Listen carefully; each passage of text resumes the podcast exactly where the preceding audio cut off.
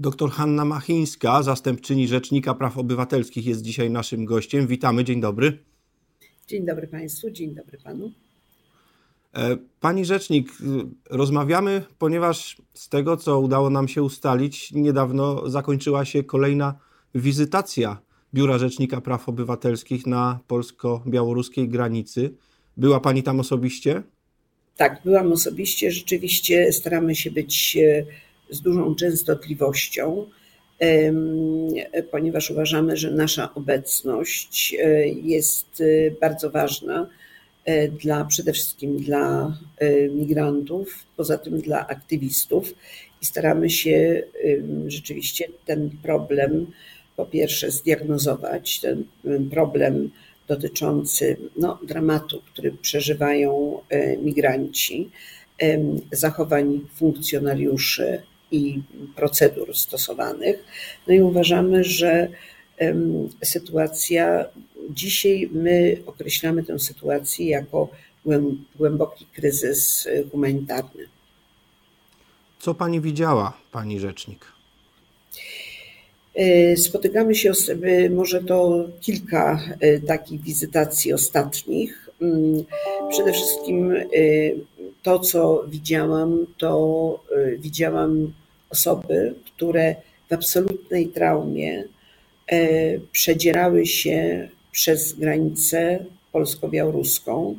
Znaleźliśmy tych ludzi w lesie, znaleźliśmy rodziny rodziny z dziećmi mm, w naprawdę w traumatycznym stanie wychłodzenia, bez jedzenia, bez dostępu do wody pitnej, w mokrych ubraniach. E, ludzie, strach, który widzimy na ich twarzach, e, ja nie chcę używać wielkich słów, ale to przypomina zapewne starszemu pokoleniu, przypomina odległe czasy. To jest coś takiego, kiedy, proszę sobie wyobrazić, oni, kiedy do nich podchodzimy i oni wiedzą, że my jesteśmy razem z aktywistami, jesteśmy z biura rzecznika, oni wiedzą, czym to jest, czym jest biuro rzecznika, klękają przed nami, chcą nas całować po rękach. To są ludzie tak dramatycznie sponiewierani i tak zgnębieni swoim losem, że ja w swoim życiu nigdy takich sytuacji, z takimi sytuacjami nie miałam do czynienia.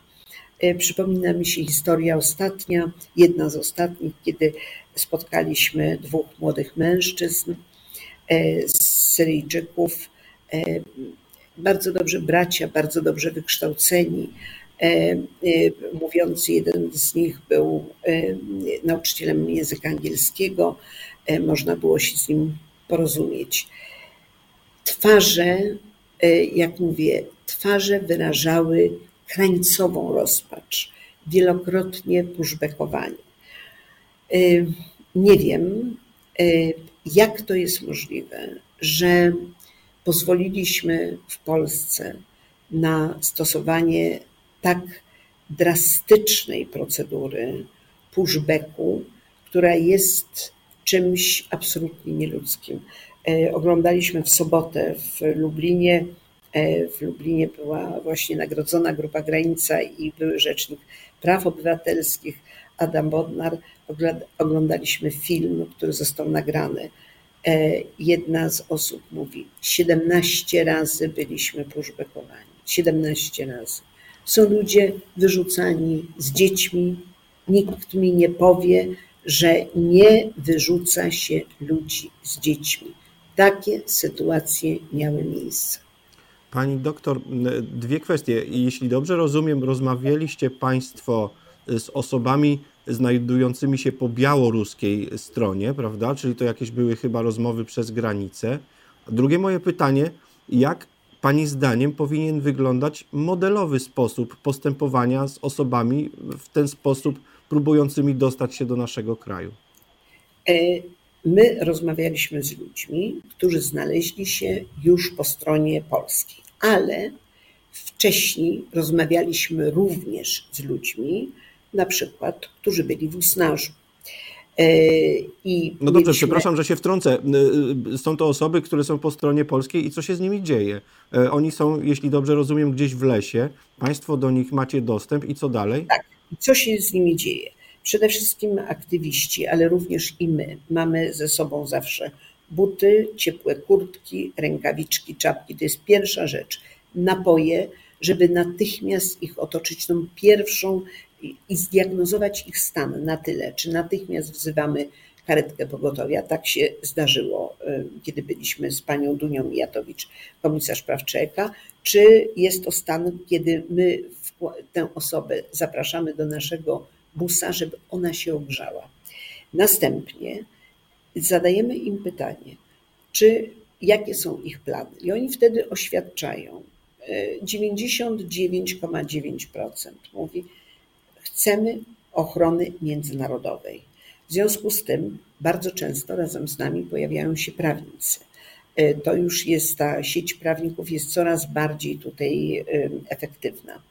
E, w związku z tym sporządzają prawnicy pełnomocnictwo, e, znaczy oni podpisują pełnomocnictwo i zawsze aktywiści wzywają i nas, i Straż Graniczną po to, żeby Straż Graniczna przejęła te osoby i straż, od razu pokazujemy, że jest pełnomocnictwo, deklaracja o ochronie międzynarodowej.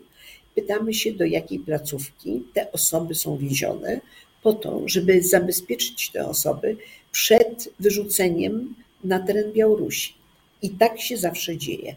I te osoby następnie my jedziemy do placówki, sprawdzamy, jak w placówce te osoby są traktowane.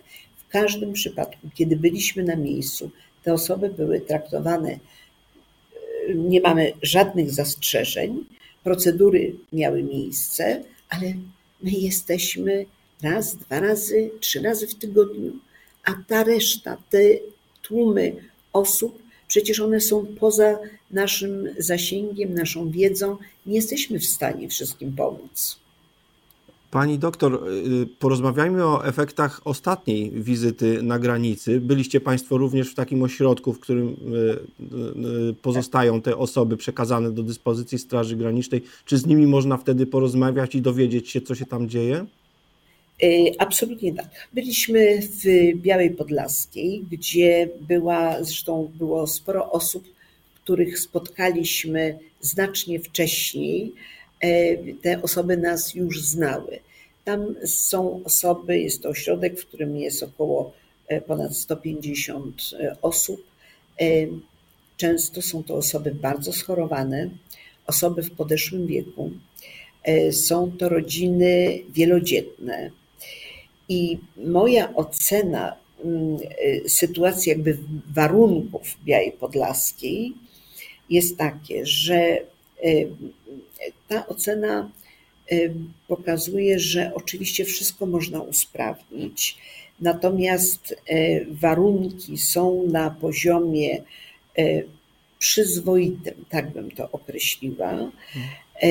Natomiast ci ludzie mają ciągle poczucie, że są w więzieniu, że wyszli z lasu i są w więzieniu. Te warunki, obiektywnie staram się na to popatrzeć, naprawdę mm, nie są warunkami więziennymi. Oczywiście są niskie stawki żywieniowe, to oczywiście tak. Poza tym masę darów e, idzie do takich indywidualnych, także staramy się. Kościół protestancki niezwykle się włączył i przekazał ogromne dary. Więc sytuacja jest po pierwsze niepewności, trwających procedur, Procedury trwają po 5-6 miesięcy. Jest, spotkaliśmy osobę ciężko chorą, ewidentnie ciężko chorą, która powinna znaleźć się w ośrodku otwartym. Kobieta, starsza kobieta, powinna być otoczona opieką natychmiastową, opieką lekarską.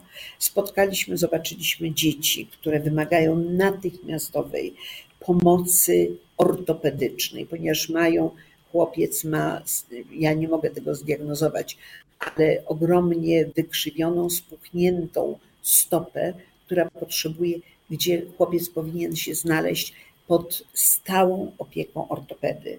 Spotkaliśmy, to też są takie, kiedy my się pojawiamy, to dzieci, a tych dzieci jest bardzo dużo, w bardzo różnym wieku, to człowiek nie jest skałą. To jest coś takiego, że nasze serca, to, to jest widok łamiący serce, kiedy te dzieci lgną do nas, przytulają się, potrzebują dotyku, objęcia e, i starsze dziewczynki, 15-letnie, 14-letnie, płaczące, które mówią: My chcemy wolności, my chcemy wyjść. Oczywiście ktoś może powiedzieć: Przeszły traumę, tylko ta trauma będzie się w nich odzywała przez długi czas. Oni wszyscy przeszli dramaty, ponieważ e, e, znamy historię. Oni przeszli w swoich państwach dramaty, następnie w Polsce, najpierw w Białorusi, w Polsce i teraz są w sytuacji nieokreślonej. Prawnicy, my w tej chwili rozmawiamy też e, z radcami prawnymi, bo prosimy o natychmiastową pomoc prawną dla tych osób. Ten ośrodek, jak jak mówię, wymaga oczywiście wsparcia. Myślę, że coś jeszcze w sensie lokalowym się zmieni, ale tam jest, mówię, ponad 150 osób. Każda z tych osób potrzebuje wsparcia medycznego, lepszego odżywiania, kontaktów zewnętrznych, dostępu do prawników. No po prostu trzeba się tymi ludźmi zająć. Pani doktor, na koniec pytanie e, też dotyczące pogranicza, ale z trochę innej dziedziny. Czy Urząd Rzecznika Praw Obywatelskich będzie badał i zajmował się sprawą tego żołnierza, który e, e, nieoczekiwanie dla wszystkich znalazł się po drugiej stronie granicy? W Polsce grożą mu poważne zarzuty karne dezercji. Czy Biuro Rzecznika przygląda się tej sprawie? E, my w tej chwili przyglądamy się bardzo wielu sprawom, ale oczywiście przyglądamy się również i tej sprawie. Wcześniej bardzo e, e, nas, no niesłychanie poraziła nas informacja inna, a mianowicie atak na Klub Inteligencji Katolickiej i to, co się wydarzyło tam. Więc tutaj już mogę powiedzieć, że jest wystąpienie Rzecznika Praw Obywatelskich profesora Wiązka do komendanta głównego policji.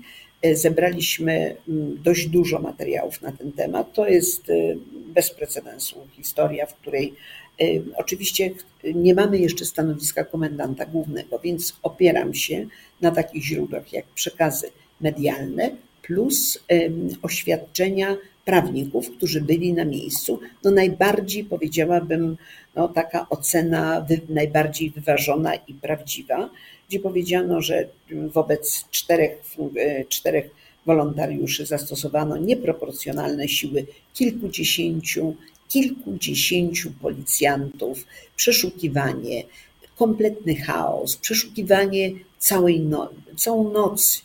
No, to jest rodzaj, powiedziałabym, e, maltretowania w świetle prawa. Natomiast czegoś takiego nie wolno robić. Ekipy z różnych miast tam, które stacjonują tam, przyjechały, które nie wiedziały, że jedna ekipa zarekwirowała już cały sprzęt. Przyjechali po sprzęt, którego już nie było. Więc w ogóle drama, naprawdę to wyglądało bardzo. To był taki sygnał do wszystkich aktywistów. Uważajcie, bo my w taki sposób możemy Was skutecznie zastraszyć. I dlatego mam nadzieję, że wkrótce otrzymamy ocenę komendanta głównego. No, ja jestem przekonana, że będą postępowania w tej sprawie, będą na pewno postępowania. Co do dezercji, przyglądamy się, oczywiście rzecznik przygląda się tej sprawie. Jest wiele takich spraw, które wymagają wyjaśnienia. Bardzo dziękujemy za to spotkanie i rozmowę. Bardzo dziękuję. Doktor Hanna Machińska, zastępczyni Rzecznika Praw Obywatelskich, była dzisiaj naszym gościem. Do zobaczenia. Dziękuję wszystkiego najlepszego, żeby takie sytuacje już się nie powtarzały. Także dobrych, zdrowych świąt dla wszystkich. Dziękuję bardzo. Dziękujemy.